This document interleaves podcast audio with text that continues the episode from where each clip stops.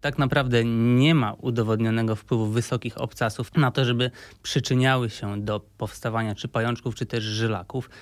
Wręcz odwrotnie, obcas pomiędzy 2 a 5 cm jest y, i przez ortopedów, i przez osoby zajmujące się krążeniem uważany za najlepszy obcas do chodzenia jako takiego codziennego. Więcej niż 5 cm to już problem? Może to być problem bardziej ortopedyczny, który prowadzi do powstawania czy mm, haluksów, czy też zwyrodnień stawów, natomiast raczej nie przekłada się to bezpośrednio na powstawanie żlaków. Widzę u siebie w okolicy uda jest żylak. Co robię z tym? Trzeba wykonać badanie USG Doppler. E, jest to złoty standard w tym momencie w diagnostyce e, żylaków, szczególnie żylaków kończyn dolnych i ono tak naprawdę decyduje, jakie leczenie można przedsięwziąć, jakie kroki można zalecić pacjentowi, co dalej z tym robić. Badanie bezbolesne, nieinwazyjne, e, wykonywane w sprawnych rękach trwa około 10-15 minut i pozwala odpowiedzieć na większość pytań nurtujących pacjenta, który do nas przychodzi. Idziemy do gabinetu badań USG po prostu. Są tak naprawdę trzy specjalizacje, które mm, wykonują te badania, w moim, względzie, w moim zdaniem najlepiej. Jest to radiolog, e, chirurg naczyniowy oraz flebolog. Jeśli chodzi o układ e, żylny kończyn dolnych. Czego najczęściej dotyczą wątpliwości pacjentów? Pacjenci mm, mają taką wątpliwość, czy problem, z którym się zgłaszają, to znaczy widoczny bądź żylak, bądź tak zwane pajączki, jest problemem zdrowotnym, czy jest to tylko problem estetyczny?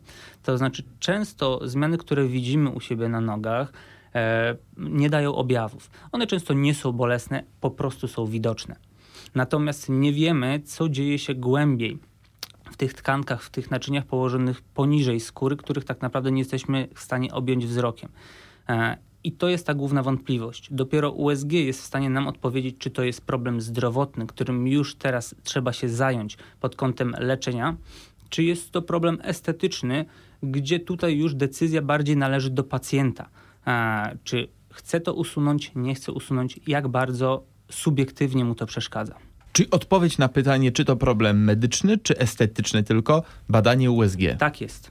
Takie badanie ile kosztuje? Od 150 do 200 zł e, za badanie, natomiast e, jest to też związane, czy od razu jest to związane z konsultacją.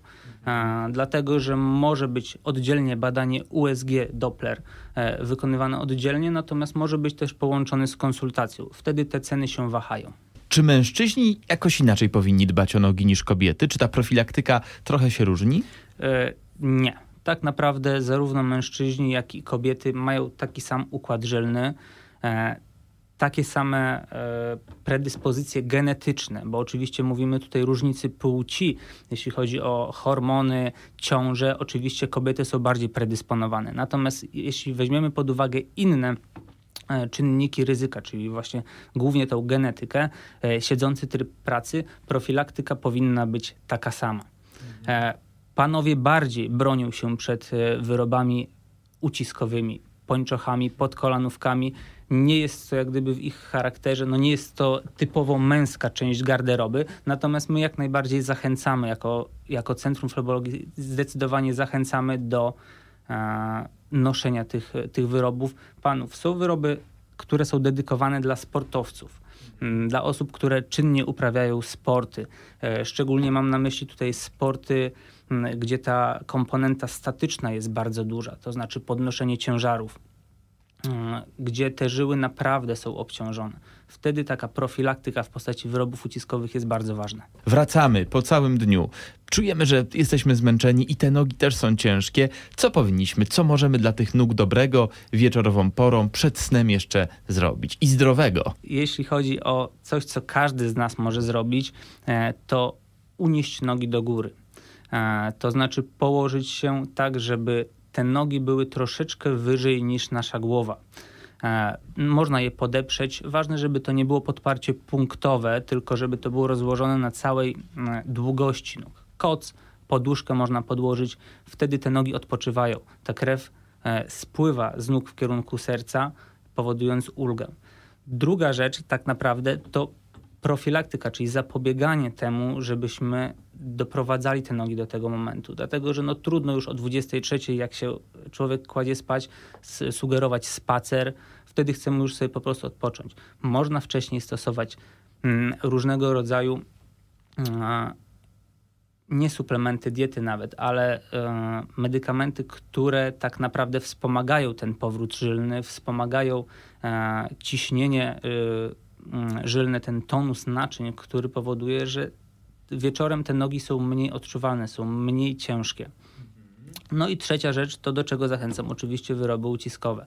To są takie rzeczy, które stosujemy wcześniej, nie już na sam koniec dnia. Jeżeli do, doprowadzimy do tego stanu, że te nogi są ciężkie wieczorem, to naprawdę oprócz takiego uniesienia trudno jest cokolwiek więcej zaproponować. Czy kąpiel, jakiś specjalny prysznic, który rozluźni te nogi wieczorem? E, jeśli chodzi o kąpiel, to tak naprawdę powinno się unikać ciepłej bądź gorącej wody. Dlatego, że żyły w, w momencie, kiedy umieścimy nogi w gorącej wodzie, kiedy dosyć dłużej posiedzimy w ciepłej, oczywiście relaksującej wannie, te żyły jeszcze bardziej się rozszerzają i te objawy wręcz mogą się nasilić. Jeżeli już lubimy, jesteśmy zwolennikami takich dłuższych posiedzeń w ciepłej, w ciepłej wannie, powinien, powinna się ona zakończyć zimnym prysznicem. Prysznic generalnie Prysznic. lepszy dla naszych nóg niż kąpiel w wannie. Długotrwały, nawet to chodzi bardziej o czas przebywania w ciepłych warunkach.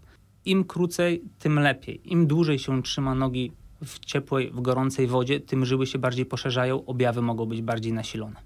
Dokładnie ta sama sytuacja dotyczy sauny. Jeżeli się przebywa w saunie, te żyły też się poszerzają. Nie możemy całkowicie mm, powiedzieć, nie wolno korzystać z sauny, nie wolno brać E, ciepłych kąpieli. Natomiast jeżeli już ktoś preferuje takie rozwiązania, zakończyć to zimnym prysznicem, żeby te żyły miały szansę troszkę się obkurczyć. Jak długo taka gorąca kąpiel, wymarzona dla wielu osób po całym dniu, powinna trwać, może trwać, żeby to jeszcze było bezpieczne? Trudno, trudno tutaj powiedzieć o jakichkolwiek e, ramach czasowych. Dla, dlatego, tak jak e, dla każdego subiektywne są te odczucia związane z ciężkością nóg, każdy, każdy sam wie tak naprawdę, jak te nogi w danym dniu bolą, jak te nogi są ciężkie. Jeżeli jest to ciężkość nóg wieczorem, nie radziłbym, żeby po prostu wchodzić wtedy na dłuższy okres do, do gorącej wanny. A gimnastyka przed snem, kilka ćwiczeń, tutaj zrobimy nożyce nogami, tutaj kilka przysiadów. To jest dobry pomysł? Jest to dobry pomysł. Jest to dobry pomysł. E, natomiast też sugerowałbym te ćwiczenia, które związane są z uniesieniem czyli właśnie, e, czyli właśnie tak jak Pan tutaj wspomniał, nożyce. E, mogą być też na przykład przysiady, które powodują, że ta tłocznia mięśniowa z, z łydki jest uruchamiana, ta krew jest lepiej przepompowywana. A czy pozycja, w jakiej śpimy, ma wpływ na zdrowie nóg? Czy lepiej na plecach e, bardziej niż na boku albo na brzuchu? Nie, jeśli chodzi o samą pozycję, nie ma tutaj wpływu na, na wydolność, na funkcjonowanie tych nóg. Jeżeli dana osoba nie ma problemów, nie ma objawów związanych z ciężkością właśnie nóg, z, z tak zwaną niewydolnością żylną, nie ma tutaj zupełnie wpływu. Natomiast dla osób, które mają żylaki, dla osób, które mają już stwierdzony problem żylny, powinna to być pozycja z nogami uniesionymi do góry, tak jak wcześniej rozmawialiśmy. Nawet w czasie snu? Nawet w czasie snu, szczególnie w czasie snu.